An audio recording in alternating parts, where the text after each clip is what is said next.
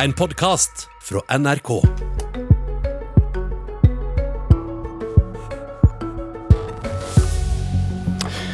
For hvis Jonas Gahr Støre legger øret mot radioen nå, skal han snart få høre en statsministerduell. Erna Solberg mot Trygve Slagsvold Vedum. For mannen som kun ville snakke om de politiske sakene, sitter her nå som Senterpartiets nykronede statsministerkandidat, og har vel knapt snakket om annet siden vedtaket i helgen. Han burde være rasende på partiet sitt. Og det er nå plutselig to statsministerkandidater på rød-grønn side. Velkommen til Politisk kvarter, statsminister Erna Solberg fra Høyre. Takk skal du ha. Jeg spurte Støre om han ville møte Vedum til duell her i dag, men det ville han ikke. Hvordan føles det å ikke være førstevalget i en statsministerduell? Det går helt fint, for jeg har utfordret Trygve faktisk flere ganger til en duell tidligere i år. Da takket han nei, men nå må han vel stille, da. Nå må han stille. Trygve Slagsvold Vedum, leder i Senterpartiet og partiets statsministerkandidat, god morgen. God morgen.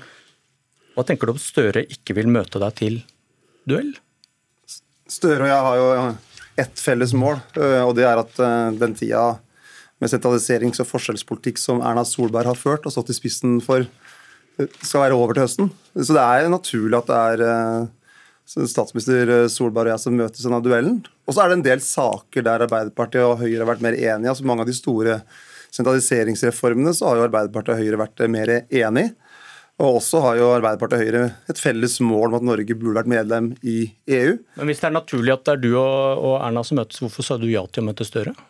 Jeg, møte, jeg er åpen for å møte Støre òg. Jeg har nok litt mer en samtale med Støre og en hardere duell med Solberg. Men det å ha en politisk diskusjon mellom Senterpartiet og Arbeiderpartiet er også helt naturlig. For vi har litt ulike prioriteringer, men et felles mål om å få bytta ut dagens regjering. Og vi i Senterpartiet ønsker en Senterparti- Ap-basert regjering, og vi tror det er best for Norge. Vi, vi, kommer til duellen, men vi må snakke litt om uh, denne statsministerkandidattittelen som du fikk i helgen. For du har i over et halvt år nektet å snakke om posisjoner, fordi det står i veien for de politiske sakene. Snakk om statsministerjobben er bare spill. Så utnevner partiet deg til statsministerkandidat i helgen, og din profeti går i oppfyllelse. Nesten det eneste det snakkes og skrives om etter landsmøtet, er at du nå er statsministerkandidat. Også her og svært lite om politikken. Hvis du har snakket sant de siste månedene, hvordan kan du omfavne dette da, som du gjorde i helgen? Partiarbeid er lagarbeid, og det er ikke sånn at en partileder bare kan utnevne seg sjøl til det ene eller det andre, i hvert fall ikke i Senterpartiet. Og Når det, det med statsministerkandidatur kommer opp, så er det at Høyre har valgt sin kandidat i Erna Solberg. Det er respekt for Arbeiderpartiet har valgt sin kandidat i Jonas Gahr Støre. Og så har Senterpartiet hatt en diskusjon, og det er mange som har tatt kontakt over tid, og media har pressa på og landsmøtet ønska å velge sin kandidat, og de valgte meg som sin statsministerkandidat. Men det, det, dette kan ikke både være et problem, som du har hevdet hele tiden, og nå plutselig være helt uproblematisk? Jeg ønsker også fortsatt ja, å snakke om uh, hva vi, vi, ønsker å oppnå for Norge. Hvordan kan utvikle alle deler av landet og ha tjenester nær folk. Poenget er, det, at, poenget er at partiet gjorde noe du har advart mot. Slike ting ødelegger snakke om posisjoner? Det er naturlig at et parti velger sin leder og også avklarer regjeringsspørsmålet, men det må skje på landsmøtet. Det har, og, ikke, det har ikke du sagt tidligere. Det er ikke det du har sagt i flere måneder nå.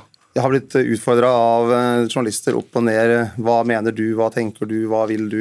Hva er din oppfatning rundt dette spørsmålet? Og Jeg har vært opptatt av helt siden jeg ble valgt som partileder i 2014. Og Du har ikke sagt noen ting om at det skal avklares på noe landsmøte? Men det er det som er naturlig. Selvfølgelig er det naturlig at et parti velger sin leder og, og bestemmer sin regjeringsstrategi på et eh, landsmøte. Det har Høyre gjort, det har Arbeiderpartiet gjort, og det har Senterpartiet gjort. Og så til sjuende og sist så er det jo ikke partiene som velger hvilket uh, sammensetning Stortinget får og hvilken statsminister landet skal ha. Det er det folk i valg til høsten som gjør. og nå, nå, er det tre kandidater. og Hvis man ønsker mer forskjells- sentraliseringspolitikk, så stemmer det på Erna Solberg. Ønsker man Støre, så stemmer man på Arbeiderpartiet. Ønsker man en Senterparti-Ap-basert regjering der vi utvikler hele Norge, men, så stemmer man på Senterpartiet. Men til kjernen i spørsmålet, for begge ting kan ikke være sant. Det kan ikke både være et problem at dere snakker om posisjoner, som dere gjør nå, og vil ha statsministerposten, og nå plutselig så er det uproblematisk. Og når jeg ble valgt som partileder og også ønska som statsministerkandidat av eh, partiet mitt i helga, så sa jeg igjen At posisjoner er ikke et mål. Er dette mot din vilje, er det det du prøver å si? Nei, det sier jeg ikke. Jeg er motivert for å ta på meg Du kan jobben. ikke mene begge ting, at dette er et problem, og så er det ikke et problem i det hele tatt. Men det som er viktig, er hva vi ønsker å oppnå. Hvordan vi kan bruke eh, en eventuell oppslutning i valg til å utvikle alle deler av Norge små, ha små forskjeller, sikre nasjonalt eierskap og en avgiftspolitikk som ikke rammer vanlige okay, folk. Okay. Og Det er derfor vi stiller til valg. Altså det, det er ikke, handler ikke om Solberg, Støre eller meg, det handler om hva vi vil med Norge og hvordan vi kan utvikle det Norge vi er så glad i. Ja, bare at du har sagt noe annet tidligere. Erna Solberg, blir, blir statsministerkandidat Vedum din nyttige idiot i fortellingen om rød-grønt kaos? Nei, Jeg mener at den rød-grønne siden må gjøre opp hvem som skal være statsminister for eh, sin del. Eh, det kommer ikke vi til å bry oss særlig mye om. Vi er opptatt av summen av politikk på venstresiden. Når de skal forme felles politikk, så betyr det mer skattlegging, det betyr mindre privat næringsliv, det betyr eh, en utvikling som går i feil vei. Og jeg må jo si at når jeg så denne oversikten eh, over hasteprogrammet til Vedum før landsmøtet, så reagerte jeg. For mens resten av oss står og snakker om hvordan vi skal få de 180 000 som er arbeidsledige tilbake i en jobb, når resten av oss står og snakker om hvordan vi skal følge kunnskapshullene, hvordan vi skal sørge for å den helsekøene, ja, så det er ingen av disse temaene som er viktig for Senterpartiets leder når han setter i gang. Da er det å reversere reformer vi har gjort. Det er små spørsmål. De store spørsmålene fremover kommer til å være å sørge for at vi kan finansiere Norges velferd, at vi har nok jobber i privat sektor. Han har valgt et samarbeid med de som kommer til å gjøre det vanskeligst for privat sektor i Norge. Det må jeg si, eh, ble, jeg ble rett og slett relativt skuffet over at det er mulig i dagens situasjon å ha et så snevert perspektiv på hva som er viktigst for landet. Det som Erna Solberg kaller, i dag kaller små saker, på fredag i bloggen sin kalte utdaterte strukturer, det er om vi skal ha et godt lokalpoliti, god beredskap i alle deler av Norge. Det er vi skal ha en godt ambulansetilbud, sånn at folk skal føle seg trygge på at ambulansen kommer. At vi skal ha skoler og sykehjem nært der folk bor. Det er ikke utdaterte offentlige strukturer. Det er ikke små saker, det er helt avgjørende saker det at man har det grunnleggende offentlige tjenestene i alle deler av Norge. Men så går det også an, statsminister, å ha flere tanker i hodet samtidig. Men det var 15 tanker, og ingen av de dreide seg om jobber, kunnskapshull, helsekøer. Det syns jeg i dagens situasjon, når det er 180 000 arbeidsledige, er skremmende. Jeg tror at eh, Erna Solberg også påstår at hun hadde sett på landsbøttetallene, men det er jeg litt usikker på. Hvis du hadde sett landsbøttetallene, så ville du se at store deler av den handla nettopp om privat verdiskapning. Det begynte med selvstendig næringsdrivende, som Høyre helt glemte i forbindelse med koronapakka i fjor vår, som Senterpartiet måtte lage en egen ordning for, så vi klarte å få presse gjennom i Stortinget. Det handler om de, alle de småbedriftene som opplever en ganske byråkratisk hverdag og en uforutsigbar avgiftspolitikk som har ramma f.eks. norsk luftfart veldig hardt, og har gjort at sånne selskaper som Widerøe har hatt store store utfordringer. Det handler om hvordan vi kan bygge ny norsk industri, ha en lav norsk kraftpris som gjør at vi får mer konkurransekraft, får opp industriinvesteringene, og hvordan vi kunne vri offentlig sektors investeringer som gjør at vi skaper flere norske arbeidsplasser og trygge arbeidsplasser. Men i tillegg til å skape arbeidsplasser, så er jeg også opptatt av at vi skal ha gode arbeidsplasser. og Derfor har vi reagert kraftfullt f.eks. på hvordan dere har håndtert norsk taxinæring og andre smådrivende rundt i Norge som har fått en tøffere og dårligere hverdag. Og så må vi framover klare å få en mye mer forutsigbarhet i politikken. For det Venstre har diktert Høyre i mange runder, f.eks. sånn type avgiftssprell som de gjorde på luftfarten. Statsminister Erna Solberg er den første statsministeren i Norge som har innført et næringsforbud over natta uten at det var noen utredning. Og nå har hun da varsla i går igjen at man skal doble momsen for norsk reiseliv fra eh, i oktober. Særdeles uklokt for en næring som sliter. De har tenkt en støttende hånd, ikke den uforutsigbare men avgiftspolitikken som Erna Solberg gjør. la oss prøve å sikte litt på det vi skulle snakke om her. Det å skape nye jobber. Og Erna Solberg, hva betyr mest? Er det denne saken i Dagbladet som du er opptatt av? Eller talen som Trygve Slagsvold Vedum holdt til landsmøtet, som når, er uredigert? Ja, men når man før et landsmøte selger ut sine 15 viktigste hastesaker, og ikke nevner næringsliv, så er det et signal om hvordan man tenker og hva man prioriterer. Og så når det gjelder landsmøtetalen, så er det to viktige ting å si om det. Det ene er eh, Vedum skal samarbeide med partier som med nålestikkpresisjon kommer til å ramme små og mellomstore bedrifter, familieeide bedrifter rundt omkring i hele landet. Distriktsnæringslivet skal tappes for egenkapital for å hentes inn, og skal det deles ut igjen i ordninger.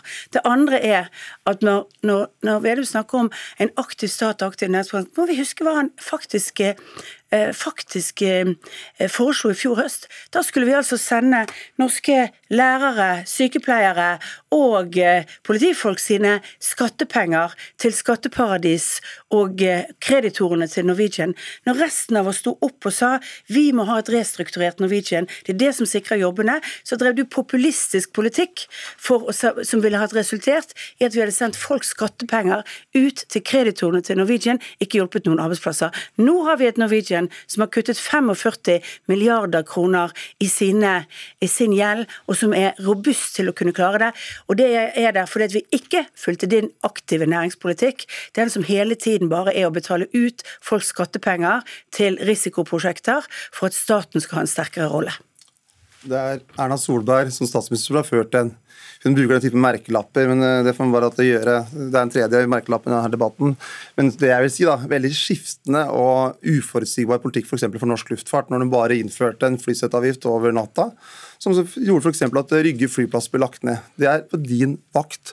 Og at, at man har hatt de her rundene, f.eks. også for norsk næringsmiddelindustri. Det var bare pga. at man har lagd en kunstig samarbeidsavtale med KrF og Venstre, økte da noen avgifter med 80% andre med 40% Den type stunt har jo vært et kjennetegn med Erna Solberg som statsminister. og Hvis du også ser hvordan utviklinga i handelsbalansen for Norge har vært, så er jo da underskuddet i handelsbalansen fra Fastlands-Norge dobbelt så høy i dag som når Erna Solberg overtok som statsminister. Altså Den er på over 300 milliarder kroner minus i dag, var på 150 milliarder minus når hun overtok. Så statsminister Erna Solberg har ikke hatt noe aktiv industri- og næringspolitikk. Hun har snakka om det, men når du ser politikken, har det vært uforutsigbart, det har vært stunt, og hun har bundet seg altfor mye opp okay. til KrF og Venstre. og Vi ønsker å ha den type bygningsavtale. Du må faktisk lese den oppdaterte statistikken. For, for tallene for første kvartal i år er kommet. Vi er altså tilbake inn på et driftsunderskudd som er på nivå med første kvartal i 2014. Og ja, vi har hatt et oljeprisfall, vi har lavere priser på det. Det har påvirket. Men vi har altså et år hvor vi nå har hatt rekord i børsnoteringer. Vi har rekord i nye bedrifter som har startet. For gjennom hele pandemien har vi vært opptatt av vi må bruke forskning, utvikling, sørge for gode rammebetingelser sørge for skattelettelser rettet mot det som er utvikling og nye ideer i Norge. Men, eh, for Solberg, å sørge for at det flere bedrifter. Nå, nå gjorde du det Høyre har gjort flere ganger. Du du skylder på oljeprisfall for at ledigheten går opp, men så glemmer du å nevne at oljeprisen går opp når når du skaper alle disse jobbene. Nå snakket ikke jeg om ledighet, jeg snakket om driftsbalansen til utlandet. Du snakket om børsnoterte selskap og ja. jobber som kommer tilbake. Men det var driftsbalansen til utlandet som har hatt et stort fall pga. det. Den er altså bedret til første kvartal i år. Og så er jeg Men så nevnte du din egen politikk som årsak til at det går bedre og at jobbene kommer tilbake. Ja, fordi det kommer jobber i veldig mange ulike sektorer. Så må vi si at helt spesielle situasjonen vi har hatt i dag, altså sånn dreier seg om pandemien og håndteringen av den. Vi har jo holdt mange mennesker vekke fra jobben pga. det. De kommer tilbake igjen fordi vi letter på smittevernreglene. Men samtidig så er det ganske bred basis av nye bedrifter som kommer. Fordi vi har stimulert ny teknologi, fordi vi har jobbet med nye miljø, eh, miljøsatsinger og sterke miljøsatsinger, så ser vi nå at det er masse selskaper som går i hydrogen. Vi ser at vindkraft eh, til sjøs øker, men vi ser også at veldig mange teknologibedrifter i Norge utvikler seg. Og da er det jo sånn at vi skal bruke det offentlige anskaffelser eh, aktivt. Det så jeg også at Vedum sa i løpet av, av landsmøtet. Men offentlige anskaffelser av teknologibedrifter, det er f.eks. konsulentvirksomhet når du utfører nye programvarer. Mens noe av det han har gjort til stjernenummer, det er jo nettopp at du skal kutte på den typen ting og heller ansette folk i offentlig sektor. Da blir det ikke eksport, da blir det ikke privat næringsliv, da blir det ikke å bruke offentlig sektor til å mobilisere fremtiden vår, mobilisere det som vi kan tjene av også internasjonalt at eh, Høyre har blitt sånn konsulentselskapenes parti, det har jeg jo merka. Altså fra første statsminister Erna første, første statsminister Erna Solberg gjorde når hun ble statsminister, var jo også å hente en sentral First House-rådgiver til både sin høyre hånd med Sigbjørn Aanes, som har vært en fram og tilbake mellom First House og regjeringa med Sylvi Listhaug, og det har vært rekord i dialog og tett Sigbjørn Aanes jobbet i Høyres stortingsgruppe før han kom, før han kom som en rådgiver. Han jobbet i Høyres stortingsgruppe. Hvorfor sier du noe annet? Ja, der tok jeg feil. Det, det er ja. riktig. Men han har hatt en tett dialog og det har hatt en all tett innflytelse mellom konsulentbransje og dagens regjering. Vi ønsker å kutte i det, helt riktig. Bl.a. skru igjen den offentlige pengekrana til PR-byråene, som var mellom 600 til 700 millioner kroner i fjor. Vi mener at det også er for dyrt når man bruker 12 milliarder kroner på konsulenttjenester. At vi bør prøve å stramme inn den offentlige pengebruken. Det er klokt, det er fornuftig. Og så er det en annen skillelinje som er veldig tydelig mellom Senterpartiet og Høyre. Vi har tro på nasjonalt eierskap.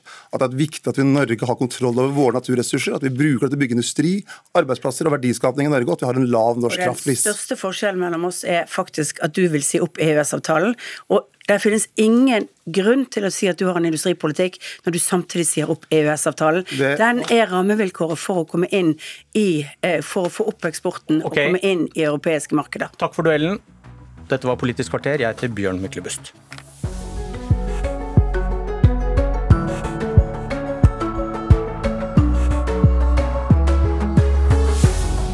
Du har hørt en podkast fra NRK. Hør flere podkaster og din favorittkanal i appen NRK Radio.